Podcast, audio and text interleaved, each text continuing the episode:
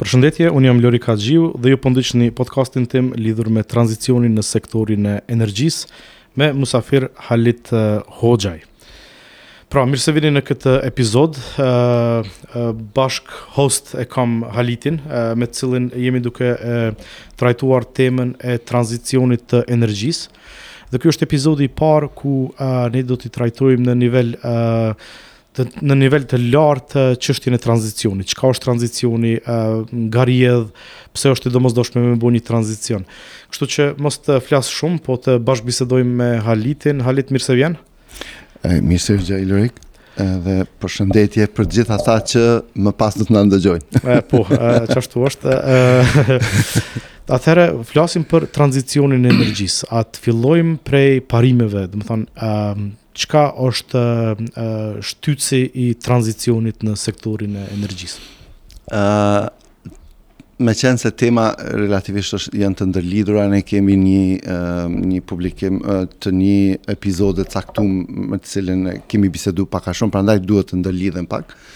ë uh, uh, Tranzicioni mendoj që si koncept uh, buron prej ndryshimeve klimatike si emëruesi i përbashkët i temës uh, më uh, në këtë aspekt.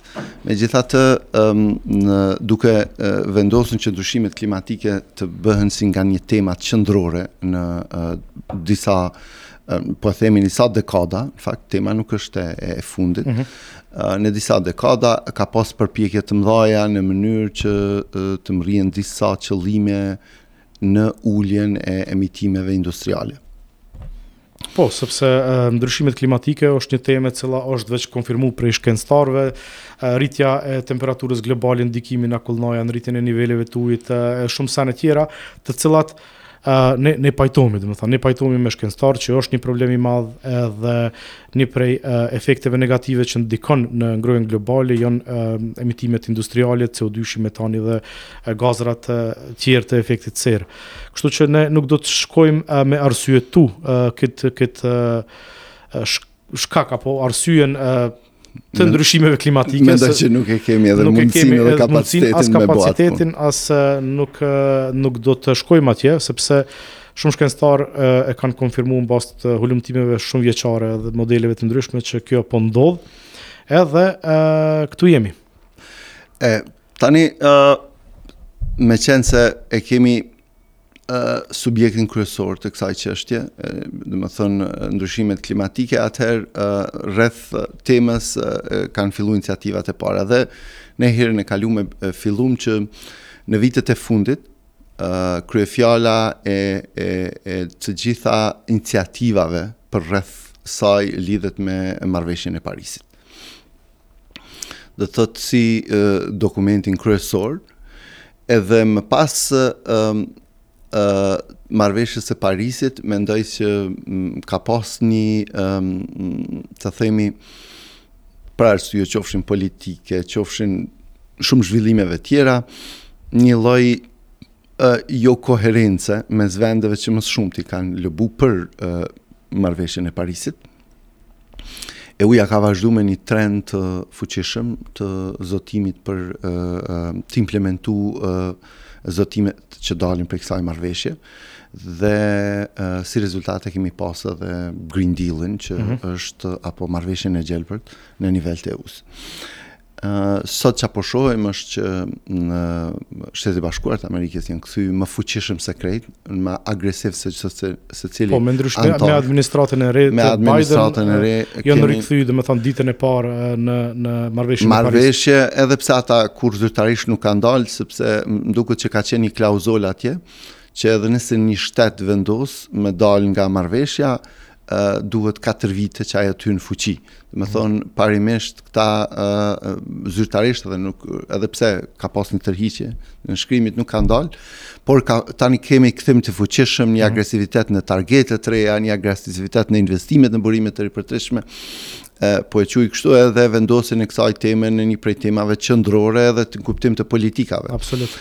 Edhe kjo është ndoshta zhvillimi i cili ka e ka kthy një farë kohezioni të themi mes vendeve të Evropës dhe vend bashkimit evropian dhe dhe Shteteve të Bashkuara të Amerikës në këtë aspekt më duket që bile bile kur i pashë reaksionet e fundit nga takimi i fundit i, i, i, i këtyre vendeve më të industrializuara e pashë që pashë që e Kina, Rusia relativisht të, të, të habitun nga ky lloj agresiviteti, me qenë se ato mhm. janë disa prej vendeve të cilat do të afektohen më shumë në qoftë se këto politika bëhen më agresive në këtë mhm. aspekt. Por ë të vazhdojmë, pra gradualisht kemi mbri deri te një element ku pa hy në historikun, pa hy në historikun e gjithë këtij procesi që paraprinë edhe nevojën e tranzicionit. Po, nuk po hym në uh, UNFCC e në pikërisht në mekanizma, pikërisht protokoll të Kjotos COP-së edhe kështu që. Absolut. Hmm. Pra janë një varg, një varg uh, aktiviteteve, por ku jemi ne sot? Edhe ne po flasim uh, për uh, tranzicionin e energjisë edhe uh, në të cilin, në të cilin jemi, më duket edhe na jemi te një pozicion relativisht kështu radikal. Jo pse e kemi zgjedh, unë i adhuroj gjërat të cilat shkojnë në nivelin evolutiv, pra evolucioni është është proces më i qëndrueshëm. Megjithatë duket që ë, tranzicioni tek ne mund të jetë edhe më agresiv, për shkak të vet strukturës dhe profilit të gjenerimit që kemi. Në rregull, atë kthemi pak te kjo marrëveshja e Parisit, sepse në në atë marrëveshje vendet uh, janë pajtu që uh, për me parandalu ngritjen e temperaturave në nivel global, duhet me i reduku emitimet e gazrave të efektit serrë, CO2 e të tjera. Dhe uh, e përmende bashkimin Europian, Green Deal, ata uh, janë zotu që mi zvoglu emitimet e gazrave të efektit serrë për 55 për qind nga niveli i vitit 1990. Tash, pse po e parashtroj këtë? Kthehemi te Kosova. Kosova ende nuk është antare e kombeve të bashkume. Domethonë, gjitha kjo iniciativë rrjedh prej të kombeve të bashkume. Dhe nuk cili është cili është pik viti pikënisës, do të thonë nëse na flasim për një tranzicion, do të thonë tranzicion në në në redukimin e gazrave të efektit serrë, ë në riorganizimin e sektorit të energjisë, me çka do të krahasohet suksesi i i Kosovës? Do të thonë a do të marrim për bazë emitimin e gazrave të efektit serrë të vitit 1990 apo ndonjë vit tjetër, sepse me çka do të krahasohemi? Cili është indikatori që do ta përcjellim. Unë personalisht jam pak jashtë temës në mhm. kuptimin e vetëm sferës edhe ku operoj edhe ekspertizës. Ë natyrisht do të jetë shumë e rëndësishme cili vit, sepse kjo do ta dikton trendin edhe do ta dikton nevojën se sa duhet të bëhen investime për uljen e, mm. e, e, e CO2-shit. Ë ajo që Mendoj që është me rëndësi të theksohet këtu që targetet e reja hmm. për CO2, për eficiencë të energjisë dhe për burime të ripërtrishme do të kërkojnë një mobilizim të jashtëzakonshëm të fondeve, sepse po flasim tek tema e kostës së tranzicionit. Edhe natyrisht do të jetë bazë negociuese për secilin prej këtyre targeteve të Kosova do të negociojë këto me Bashkimin Evropian, besoj edhe me me komunitetin e energjisë për të mbrri në një nivel e, që ato targete edhe të jenë të arritshme, por mund të jetë ambicioze, sidomos nga aspekti financiar po flas. Kjo mm -hmm. kjo mund të jetë relativisht e, kritike për neve. në këtë aspekt. Po Lorik, nuk e di se cili do të jetë viti. Po pa marrë parasysh se nëse shohim si në 10-ta, si në 99-ta, pak a shumë e, sektori i energjisë në Kosovë apo krejt faktikisht nuk ka ndryshuar shumë. Domethënë kemi Kosovën A, Kosovën B, që që kemi pasë atëherë dhe tash. Industria, ok, e, ka luhat nalt e poshtë, kemi sektor të rritë zhvillimit, ka shku transporti është rritë dukshëm anej e knej, por Prap, termocentralet në Kosovë kanë emitu edhe në dhjetën edhe tash emitojnë diku 6 milion tona CO2 në vit dhe mund të flasim për një reduktim në këtë drejtim nëse, nëse flasim edhe, dhe, dhe kjo, ky vëllim i emitimit është pak a shumë gjysa e gjitha emitimeve në Kosovë nëse pastaj përfshijmë edhe transportin e bujqësinë e çka po di uh, sektor tjerë por ta përmbledhim këtë pikën e, e, e globalit domethënë uh, kuptojmë që ka ndryshime klimatike Janë veprimet, iniciativat e ndryshme për parandalimin e rritjes së mëtutjeshme, bile zvogëlimin e rritjes. Është UNFCCC, janë takimet e ndryshme, marrëveshjet, sikur ajo e Parisit dhe sivjet do ta kemi edhe marrëveshjen, pritet një marrëveshje në Glasgow, e cila ndoshta do të reflekton pak edhe këto iniciativat e fundit që për shembull edhe Shtetet e Bashkuara të Amerikës tash e kanë marrë mënyrë më agresive dhe kanë marrë si top prioritet në agjendën e tyre.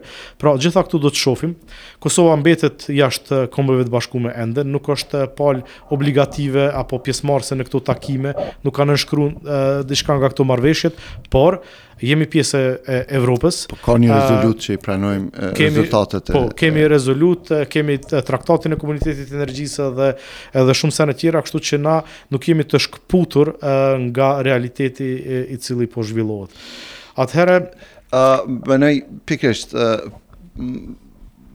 mas po, së pari gjeografikisht, mhm. pozicioni jonë gjeografik e determinon që ne do të jemi pjesë e këtyre gjitha këtyre obligimeve, përderisa jemi në një proces të integrimit të në Bashkimin Evropian. Mhm. Përderisa vazhdojmë të jemi në një proces të tillë të harmonizim të politikave, ne do të vazhdojmë të kemi një lloj harmonizimi me detyrimet që dalin nga ai proces. Kjo është një e dyta a, a, ajo që a, a, është po ashtu e rëndësishme ë Kosova do të varet shumë nga burimet e ndryshme të financimit. Dhe ky lloj financimi natyrisht që është i lidhur me objektivat e politikave që prej nga burojnë. Prandaj, ky është po ashtu një kriter shtesë të cilit i nënshtrohemi dhe do të detyrohemi që të të kemi një harmonizim në këtë aspekt me qëllim të thithjeve të fondeve dhe këto janë pra disa dy elemente determinuese që pa marr parasysh pozicionin tonë në raport me Kombet e Bashkuara, me anëtarësimin mhm. e Kombeve të Bashkuara, themi që këto obligime të cilat po i ndëgjojmë do të bëhen, po e themi kështu binding ose detyrueshme për mhm. neve në një formë apo formë tjetër. Po, tash, por prap synimi final është që deri në vitin 2050 të jemi karbon neutral, si në sektor të ndryshëm përfshirë edhe sektorin e energjisë. Kjo është ai caku ë përfundimtar, si them. Domethënë kjo është ideja përfundimtare. Nëse nëse flasim për për cakun e 2050-s e kemi pak a shumë të qartë. Domethënë karbon neutrality deri në këtë vit. Edhe tash skenaret janë të ndryshme, opsionet janë të ndryshme.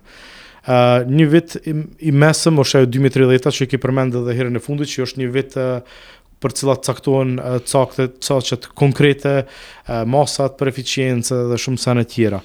Por, në Kosovë, uh, nuk e di që kemi ndonjë dokument i cili trajton uh, skenaret e ndryshme uh, të Kosovës karshi këtyre ndryshimeve. A mund të flasim për skenarë të mundshme, Halit? Lorik,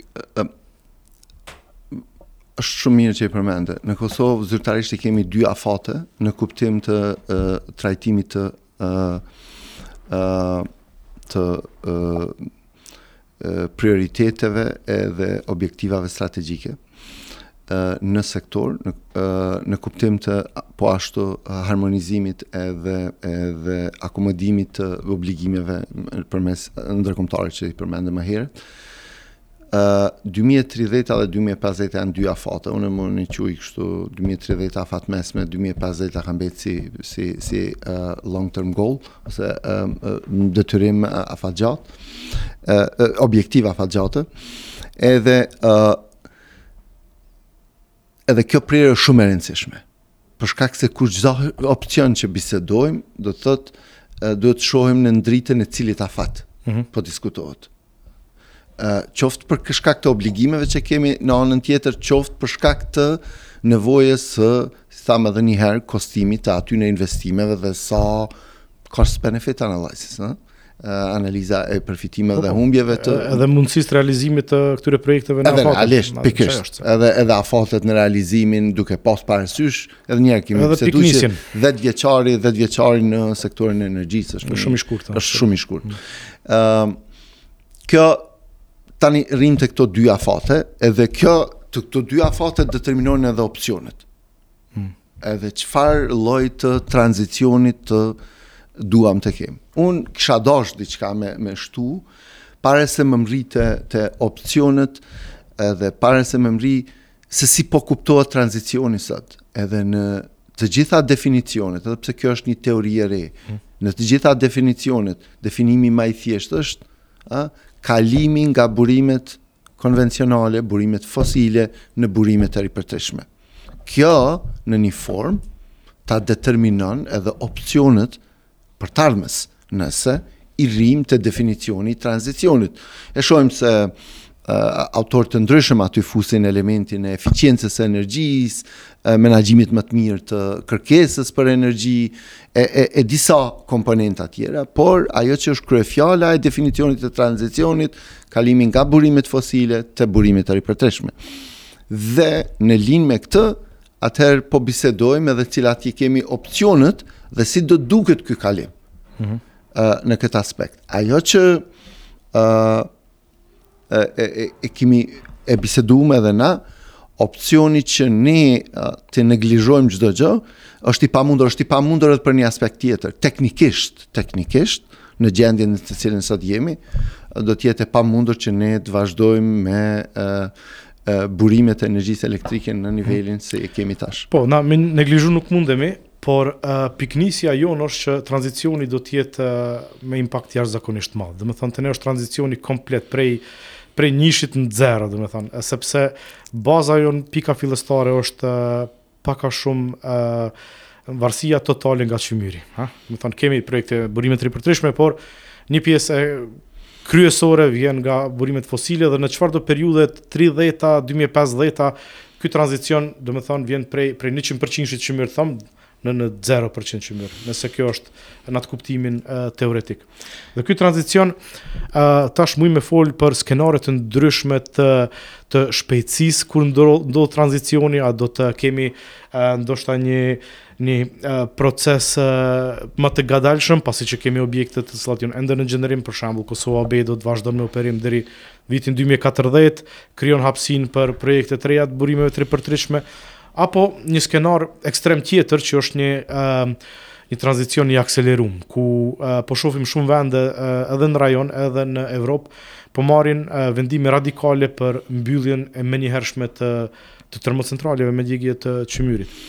Pra, i kemi dy dy ekstreme, një tranzicion i ngadalshëm, i cili uh, bazohet në shfrytëzimin e resursit tonë qymyrit deri në momentin e fundit apo ndonjë ekstrem tjetër që është një përshpejtim ë i, i mbylljes të këtyre objekteve. Nuk mendoj që asnjona prej këtyre do të mundet me ndodhë ashtu në mënyrë teoretike, por me siguri do të jetë një skenar i mesëm. E tash, ky skenar i mesëm, apo një skenar optimal i tranzicionit, Varet nga nga shumë çështje, varet nga opsionet e gjenerimit të cilat i kemi dhe kur dalim te tema kryesore është edhe edhe kostoja e tranzicionit dhe me kosto normal kërkon edhe burimet e, e financimit. Para se me u lëshu në detaje, uh, unë e ndëgjova me vëmendje këtë uh, samitin e liderëve botërorë mm -hmm. uh, për klimë, uh, që ishte nën udhëheqjen e Shteteve të Bashkuara të Amerikës, të administratës së Bidenit dhe aty u përmend edhe kostoja apo një një ë uh, commitment uh, prej këtyre vendeve që një commitment të jetë prej diku 100 uh, miliard dollarëve në vit për vendet në zhvillim. Dhe kjo m'u duk uh, interesant. Ë uh, tash ë uh, Kjo vetëm indikon që tranzicioni në nivelin global ka me qenë jashtëzakonisht i kushtueshëm. Pak a shumë kjo cifër ishte edhe kostoja e tranzicionit në nivel të Bashkimit Evropian, por vetëm deri në vitin 2030. Mm -hmm. uh, por ne uh, ende më duket që nuk e kemi vlerësu opsionet, alternativat, kostot e asociuara dhe burimet e financimit të këtyre të këtij tranzicioni. Mendoj që mbethem pak e, e, e bëre një pyetje pak më herët që mendoj që mhm. është shumë e rëndësishme dokumentet që trajtojnë opsionet, domethënë. Mm -hmm. Okej. Okay. Ëm um, mendoj që tani është faza kyçe. Kosova ka është duke rishiku strategjinë e energjisë. Edhe opinioni im që Ky rishikim do të jetë relativisht fundamental. Nuk duhet të jetë rishikim, ndoshta rishkrim, po e quaj kështu. Sepse disa projekte që kanë qenë rrugës nuk janë më, ë? Po, projekti i Kosovës së Re, për shembull, konkret. ë Shumë projekte e kanë humb kuptimin për shkak të që janë të vjetra edhe nuk dihet si është gjendja a janë feasible a janë kanë një fizibilitet për mundësinë e vazhdimit të tyre. Këtu jemi të fol për Kosovën A, konkret. Uh, nuk e di a është Kosova A, po mund të jetë edhe Kosova A pjesë e kësaj. Nuk e di a okay. është ende, mm -hmm. domethënë mhm. nuk Po, nuk, po, sepse nuk mund për, për Kosovën A nuk ka fizibilitet. Pikërisht. Do të thotë, por uh, nuk e di uh, ende uh, nuk ka një studim që dëshmon që për me nuk duhet me me diskutu në asnjë formë, apo do të diskutojmë për një formë të operimit të ndërmjetëm, mm. arritjes të targetit dy, po, i po. parë 2030. Domethënë, nuk po fola për shembull um,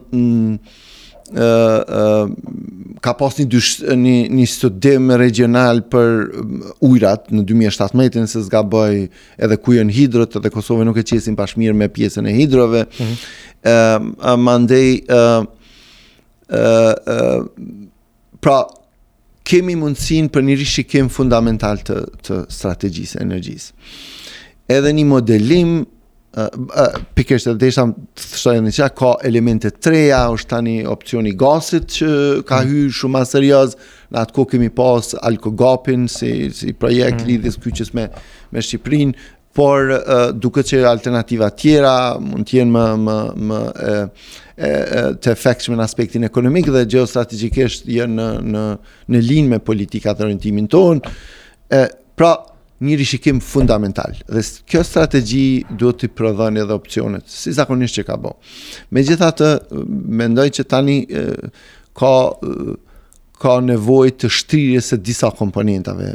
Mendoj që strategjia ka qenë edhe bazume në një udhëzim administrativ, më duket në konizimin e çka trajton brenda, mm -hmm. por ka qenë zakonisht e fokusume te energjia elektrike dhe ajo po, termike. Termike po. Uh, ka përmend pak gaz, gazi interkonektivitet. Ka, po kryesisht gazi në funksion të energjisë termike dhe energjisë po, po elektrike. Po, okay. Po, normalisht, komponentat që lidhen mbrapa atje me integrimin e tregut edhe zhvillimin e një tregu të qëndrueshëm e eficiencën e energjisë, kanë qenë komponenta, po mendoj që duhet të shtrihet tani ajo që quajmë ne scope of work, ajo komponentat që duhet t'i shtohen në trajtim brenda strategjisë së energjisë.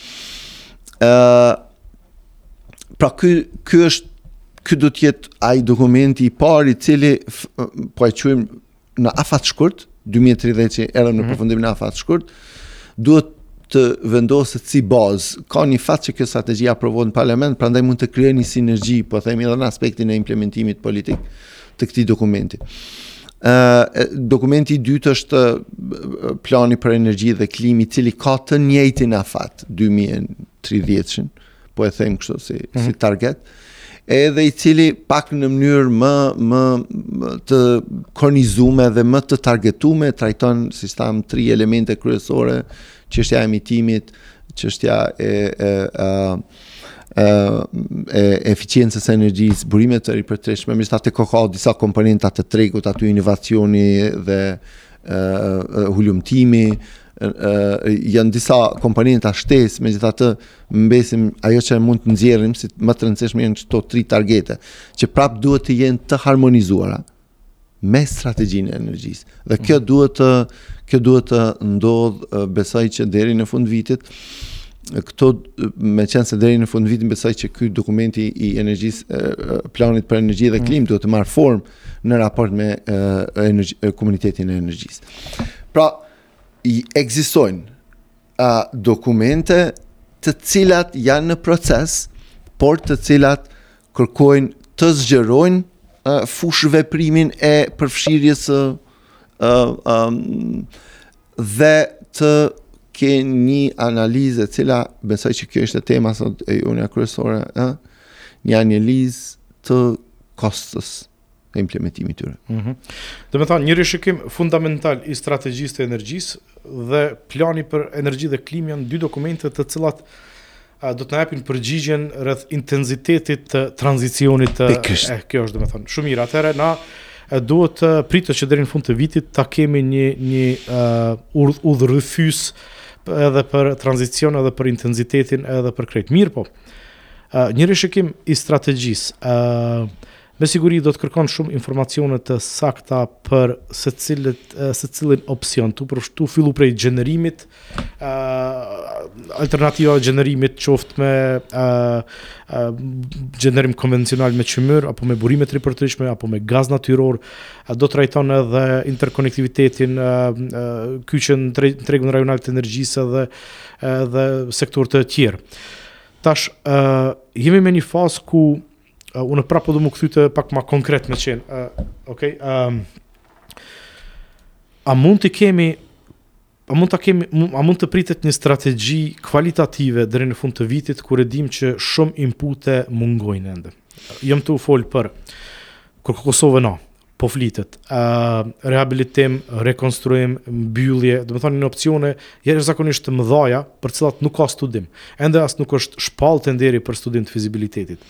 Dhe uh, cila është detyra projektuse e këtij fizibilitetit? A është për me i respektu gjitha obligimet mjedisore, Industrial Emission Directive, a pritet një operim deri në atë periudhë, apo përtej asaj periudhës, dhe pastaj cili do të jetë implikimi i kësajna në, në mihje, dhe shumë shumë sene tjera. Domethënë, kemi nevojë për studime të fizibilitetit, për revidime të projekteve xehetare, për projekte konkrete në sektorin e gazit, në burime të ripërtritshme, skema të ndryshme dhe gjitha kjo njëfarë forme po obligohet me u kry për një periudhë jashtëzakonisht të shkurt deri në fund të vitit, sepse atëhere ne edhe duhet me dorëzu planin për energji dhe klimë, atëhere ne edhe do t'i negociojmë targetet për burime të ripërtritshme për pjesëmarrjen e tyre, është, është Shiko, tani po, është e mundur, por uh, duhet me pa ndoshta një dinamikë më të shtuar të të aktiviteteve. Në, uh, në nuk e di a është, nuk e di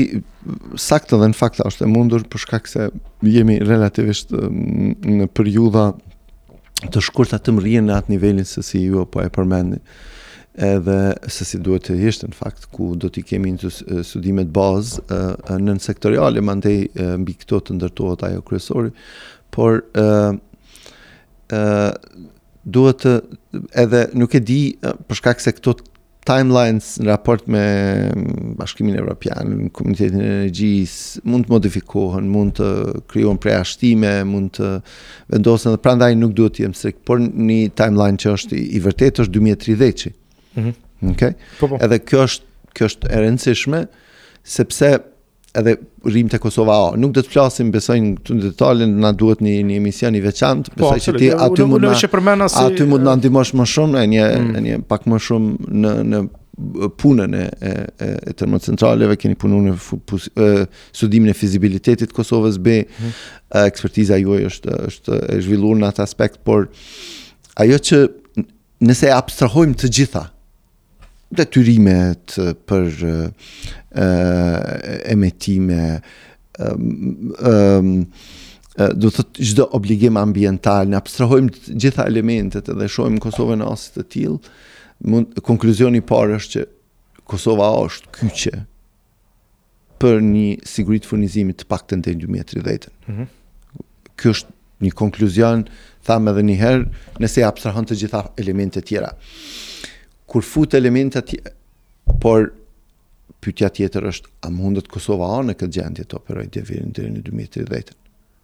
Edhe... Po, cili është niveli i sigurisë, e dimë se kemi pas incidente para disa viteve. Uh, uh, nuk, nuk po du me, me, me hy këtu në atë nivel, por me të vërtetë, uh, uh, do të thotë një nëse bëhet një, një gjendje, vlerësim i gjendjes teknike të tyre, do të thotë, edhe nuk besoj që duke pa jetëgjatësinë e tyre, Nuk besoj që ato në gjendje që të mund të operojnë deri në vitin 2030 në këtë gjendje. Ky është elementi i parë. Elementi i dytë është çfarë do lloj investimi pikërisht a do të jetë në linjë me direktivën për emitime industriale e cila bëhet nga 2028 obligative për neve. Mm -hmm. E cila natyrisht ka një impakt të fuqishëm në kosto. Prandaj pyetjet e tuaja janë të vërteta, unë teknikisht nuk i di, një pjesë të madhe të përgjigjeve në në këtë aspekt, por në aspektin e planifikimit të të investimit edhe në ato që prapë po e kthehemi, te ajo cost benefit analiza ë mendoj që versionet që duhet të shikohen në Kosovën A janë duhet të shikohen janë versione kryesisht afatshkurtra. Do të thotë, janë dhjetra konkluzione që Kosova A nuk mund të trajtohet si Kosova B. Për po, vetëm një arsye. Kosova B veç është afru... Për të vetmen arsye që ka një dallim uh, diku 10, 15 vjet, 20 me njësi të caktume. prej ditës së ndërtimit mm. flas me Kosovën B. Po po, 63-ta, 83-ta dhe pikërisht kështu është. Por uh, të gjitha këto kanë implikime jashtëzakonisht uh, ok, buxhetore, por edhe të orientimit apo të intensitetit të tranzicionit. Ë uh, muj me fol vetëm në baza teoretike tash sepse uh, e përmende koston e, e, e obligimeve mjedisore. Deshta për dëgjuesit ë uh, t'i shpjegoj pak disa disa gjëra, ok? për me leju operimin e çfarëdo objekti gjenerus përtej vitit 2028, i cili është edhe afati për përputhshmëri me direktivën e emitimeve industriale. Për Kosovën A, kjo është një pytje prej rreth 300 milion eurove. Domethënë, vetëm komponenta mjedisore, Për Kosovën A është treqind milion euro, pa përfshirë çfarëdo intervenimi, rehabilitimi në në këtë objekt. Dhe tu i marrë parasysh këto kostot e larta, plus kostot për rehabilitim të objektit, çka po di, kaldaja e shumë sene tjera, jemi tu folë për qindra milion euro të cilat duhet të kthehen njëfarë forme, se nuk mm. je tu i fut mjetet për me operu për 10 vite, se nuk është e mundur që këto mjete të, të kthehen për një periudhë afatshkurte. Pra, një vendim për operim të Kosovës A përtej vitit 2028 dhe 30 në këtë rast, atëherë do të ketë edhe implikime në, në intenzitetin e tranzicionit. Çfarëdo vendimi rreth Kosovës A, apo çfarëdo vendimi se po flitet edhe për një B treshe, e din në opinion, ka implikime të drejtpërdrejta edhe në mihje. Aktualisht janë duke u eksploatuar rreth 8 milion tona në vit, por nëse mbyllet A-ja dhe nuk ndërtohet as diçka tjetër, atëherë jemi tu fol për 4 milion tona në vit. Domethënë përgjysmohet kapaciteti i i i mihjeve, që nënkupton pastaj implikime socioekonomike e shumë sene tjera. Domethënë vendimet, çfarëdo vendimi në të cilindo objekt ka pastaj implikime qindra milion euro, të cilat ne ende sot në vitin dy mijë e njëzet e një nuk i kemi të të qarta. Ë Lëk, apo e po edhe një konkluzion shumë, shumë të rëndësishme, mm -hmm. kostoja e tranzicionit ose një studim për koston e tranzicionit është paralel urgjent për gjithë këto orientime.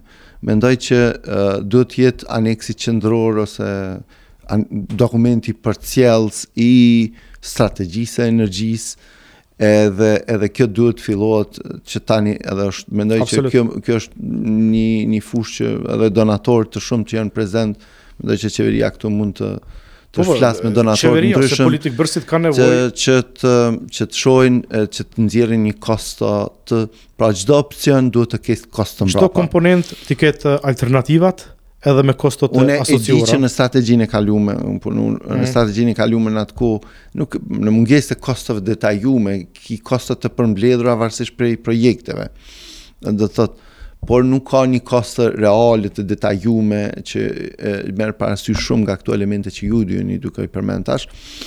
Prandaj ajo është mendoj që është shumë është e rëndësishme. Pse është e rëndësishme edhe një element tjetër, sepse disa prej këtyre po, ne po i quajmë kosto, në këtë rast po i trajtojmë si kosto, e vërteta është që disa prej tyre janë pure business opportunity, pra investime, dhe mund të jenë edhe brenda asaj kostos totale, ju vendosni se çfarë do të shkon prej investimeve publike, a? cila është barra e cila në asnjë version nuk ka as alternativë, as financim kredi, privat, as sektor privat. Po. Pikërisht, as kreditim ë uh, atëherë uh, nevojitet buxhet uh, i drejtpërdrejtë për, për, për, për mbulu atë pjesë. cila do të jetë pjesa që do të mbulohet prej sektorit privat dhe cila do të jetë pjesa që do të mbulohet përmes formave të të kreditimit.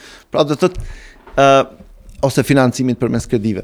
Pra këto këto kjo është shumë është e rëndësishme po e përsëris edhe një herë që të që kjo të jetë e detajzume edhe edhe Kjo do të prodhonte edhe një qartësi për të për të gjithë po flas stakeholders ose mm. ata që quhen palët e interesit mrena sektorit në mënyrë që të shohin edhe cilat janë orientimet por edhe mundësitë të të të investimeve në sektor. e vërtet pra version kthehemi te opsione tani mm -hmm. e, e pra është shumë të rëndësishme të kuptojmë për shkak se po rrim te tranzicioni edhe elementet që lidhen me kosto pikërisht te ana konvencionale e e burimeve të gjenerimit që në këtë rast te ne është qymyri pra janë janë këto elemente ë uh, ne arrijmë te Kos e biseduam por njëjtë si me Kosovën a të njëjtë në një formë përveç që e dimë afatin e vazhdimit të jetës, njëjtë burimet e financimit nuk janë komplet të sigurume për për Kosovën B. Ëh ëh edhe po ashtu Kosova B kategorizohet në grupin e projekteve ëh të të qymyrit ku asnjë nga institucionet e rëndësishme zhvillimore financiare ndërkombëtare, po thu këto, nuk kanë pas, nuk e kanë shpreh interesim. Po mirë, te Kosova, Kosova B ka dy komponente, domethënë rehabilitimi, ja. Mm -hmm. Është komponenta mjedisore, uh, për të cilën janë siguruar pjesërisht fondet, uh, për komponentën e pluhurit mm -hmm. dhe komponentet e denoksit, uh, Domethënë, kjo është projekti i cili është ka përfundu prokurimi dhe është në përgaditje për implementim, Pikërisht. po për shkak Covid-it është shtyja, që ka pas dy vjet. Po Por komponenta mjedisore... Për gjithë ata që po na ndjekin edhe ndëgjojnë, po, kjo është mbulu prej Komisionit po, Europian. Po, Komisionit Europian në formë të, të, të grantit. Domethënë është, do të kemi elektrofiltra të ri në dy njësitë e Kosovës B dhe sistemet e denoksit në, në, në të dy njësitë dhe si dhe disa komponente tjera përcjellëse mjedisore uh, për të cilat, ok, do të flasim uh, ndonjëherë tjetër. Por, kjo është uh, çka nuk është e mbulume ende në komponenten mjedisore, është uh, desulfurizimi. Dhe te Kosova B pyetja e desulfurizimit është fiks 100 milionë euro. Domethënë kjo ka qenë kosta e, e parallogaritur në po, studimin e kostoja e parallogaritur në studimin e fizibilitetit ka qenë 100 milion uh, euro për kapacitetin e gasrave që duhet me u trajtu në Kosovën B, uh, dhe ky çmim është vlerësuar në bazë të uh, bisedimeve me prodhuesit kryesorë të të pajisjeve. Domethënë kjo është një, një vlerësim paraprak. Dhe kjo është shumë element i rëndësishëm sepse në edhe ky 100 milionshi duhet me u siguru.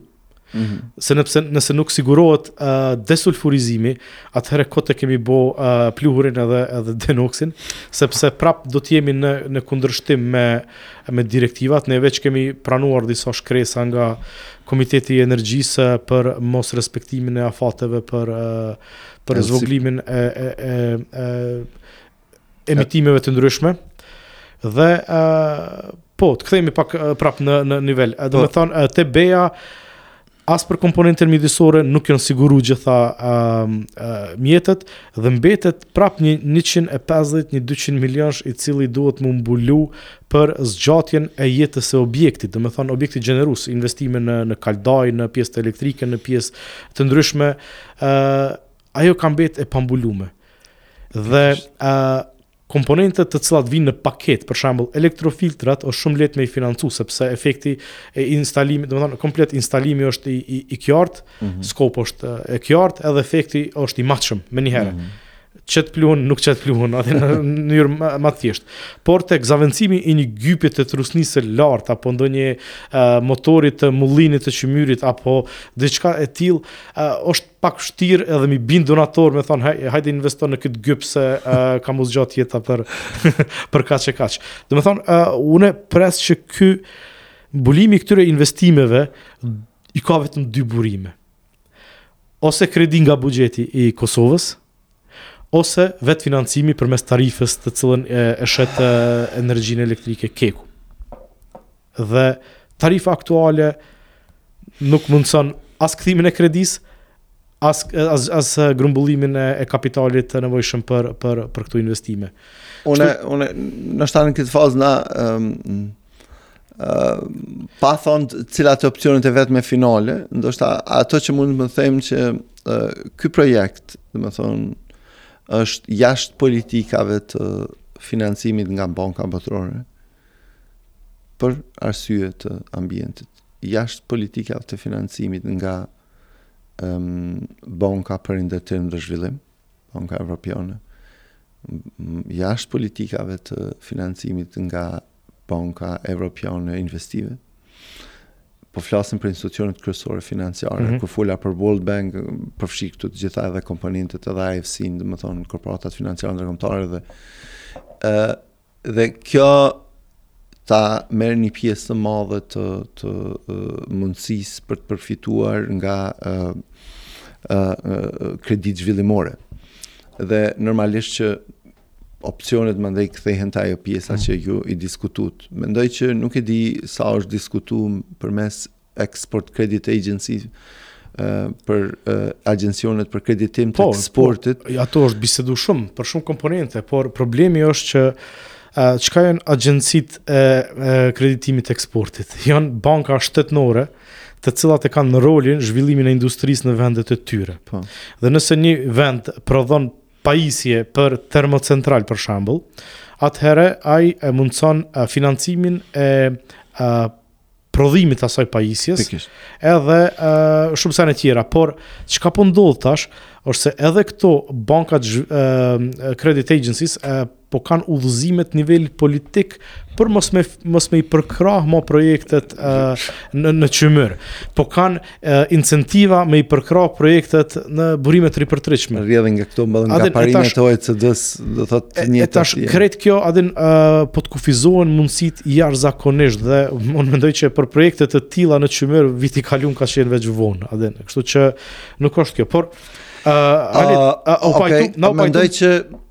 E, e, e bisedum te pjesa konvencionale Kosova A nuk i diskutum në detaj kostot jo, të ndërlidhura, jo, jo, jo, jo. ka vlerësime të ndryshme, unë mendoj që nuk nuk, nuk kish qenë mirë me, me, me qit shumë shifra spekulative ti e din që ka pas një projekt propozim për Kosovën A në të kalumen me një kosto të lidhur me të pa marrë parasysh hallet Krejt çka jemi tu fol janë qindra miliona euro. Domethënë, unë nuk kam një propozim me 2 miliona euro, okej? Okay? E, jo.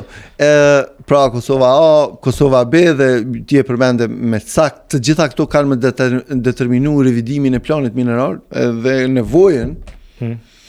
e investimeve për zhvillimin e minierës. Po, ti nëse merr, projekti kryesor xehetar për zhvillimin e minierës, i cili është hartu e, vitin e kalum, hmm. e, në fakt, 2019, se 2020 na hupi diqysh, kërkon investim prej 300 milion eurove për kapacitet prej 8 deri në 10 milion tona. E tash, edhe për një kohëzgjatje, sa ka qenë e paramendu me kohëzgjatjen e Kosovës së Re. Tash, këtu i kemi dy elemente kryesore. Oshtë kapaciteti i mihjes, a ka me prodhu 8 milion apo 4 milion tona në vit, edhe deri në cilin vit, deri në dy mijë e katërdhjetë po e din tash që deri në dy mijë e pesëdhjetë është fundi ë kështu që ë dy elemente kapaciteti dhe periudha dhe që ajo tash ndikon shumë a ka me qenë 300 apo ka me qenë 100 milion euro e din.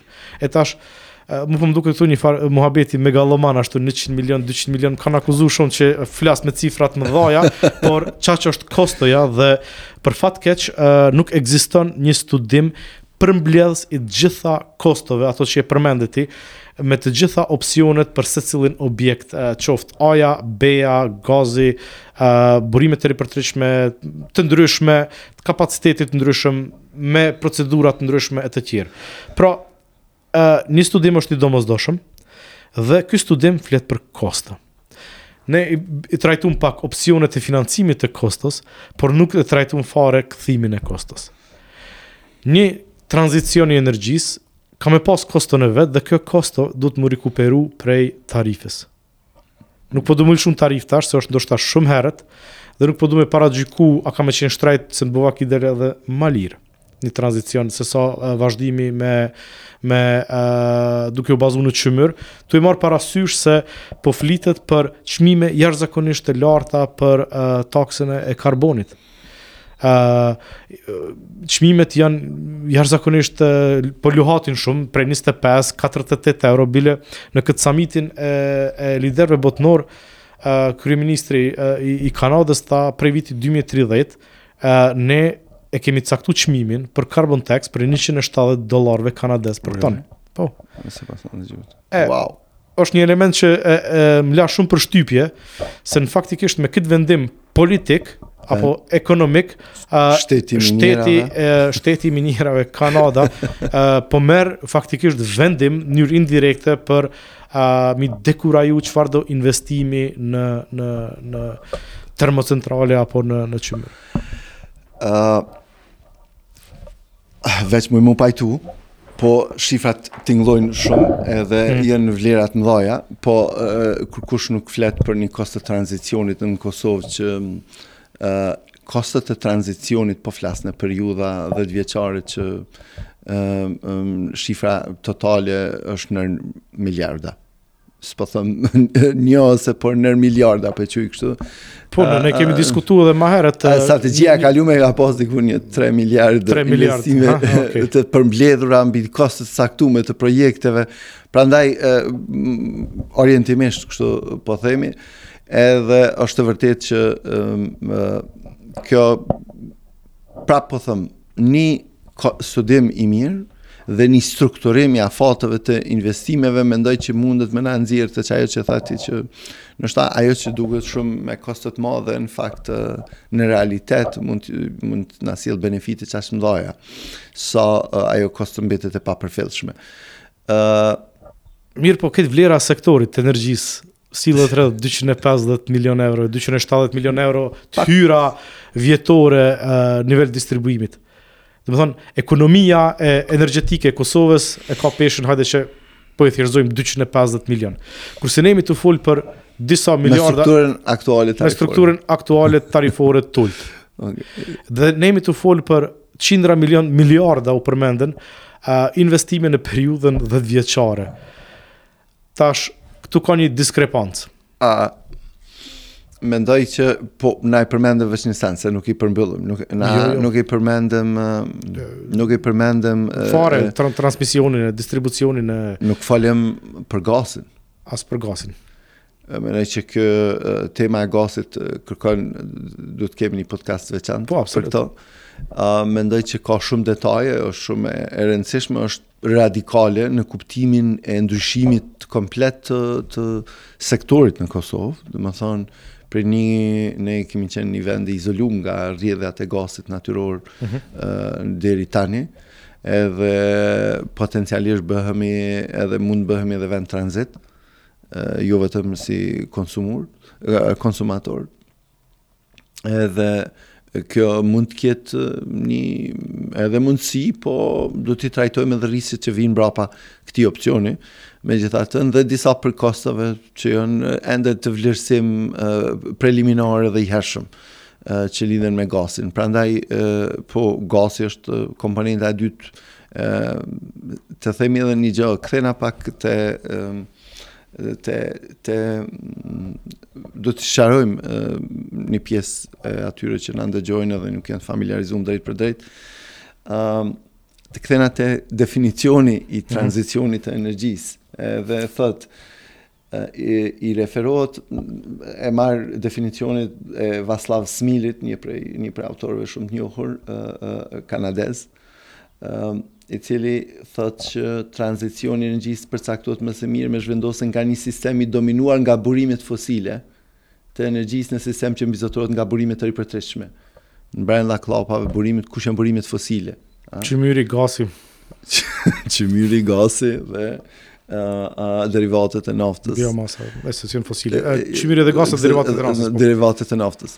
Edhe që për bjenë që... A jemi tu bo tranzicion, apo jemi tu bo tranzicion që, gjusë jo, pak, apo e mbështet, e, e, e ndihmon tranzicion. E vërteta është që në Evropë sot ende gazi trajtohet ende, hmm. po e thojmë ende, për shkak se si duket nuk do të jetë afatgjatë, por ende trajtohet si uh, elementi ma i rëndësishëm i mbështetjes së tranzicionit për shkak të emitimit më të ulët që e ka të uh, eficiencës së lartë dhe uh, po emitimi i CO2-shit është përgjysmë pikërisht uh, eficiencës së lartë si dhe fleksibilitetit në gjenerim mm. që i mundson po, po, uh, mundësisë që i jap burimeve të ripërtëritshme të reja kjo do thotë erë solare çka pikërisht do thotë me për shkak të këto tri arsye megjithatë E përmendëm sot agresivitetin e, e qeverisë së Shteteve të Bashkuara të Amerikës.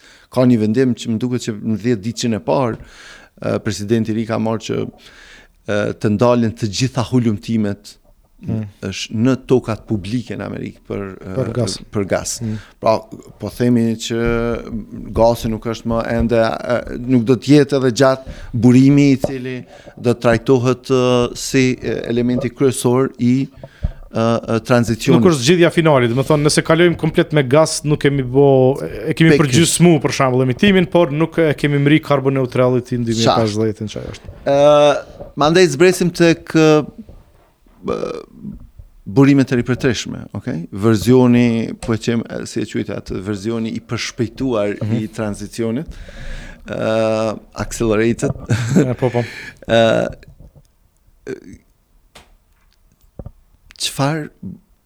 Sot kur po flasim te burimet e ripërtëritshme, kryesisht po flasim për te pjesa e gjenerimit, gjithçka për po nënkuptohet në Kosovë, dielli... Era, uji, po... Nuk e di ashtu i mo, në fakt uji mbetet si burim i ripërtëritshëm, por uh, hidrot kanë një problem tjetër, po, e kanë... flasim... Po.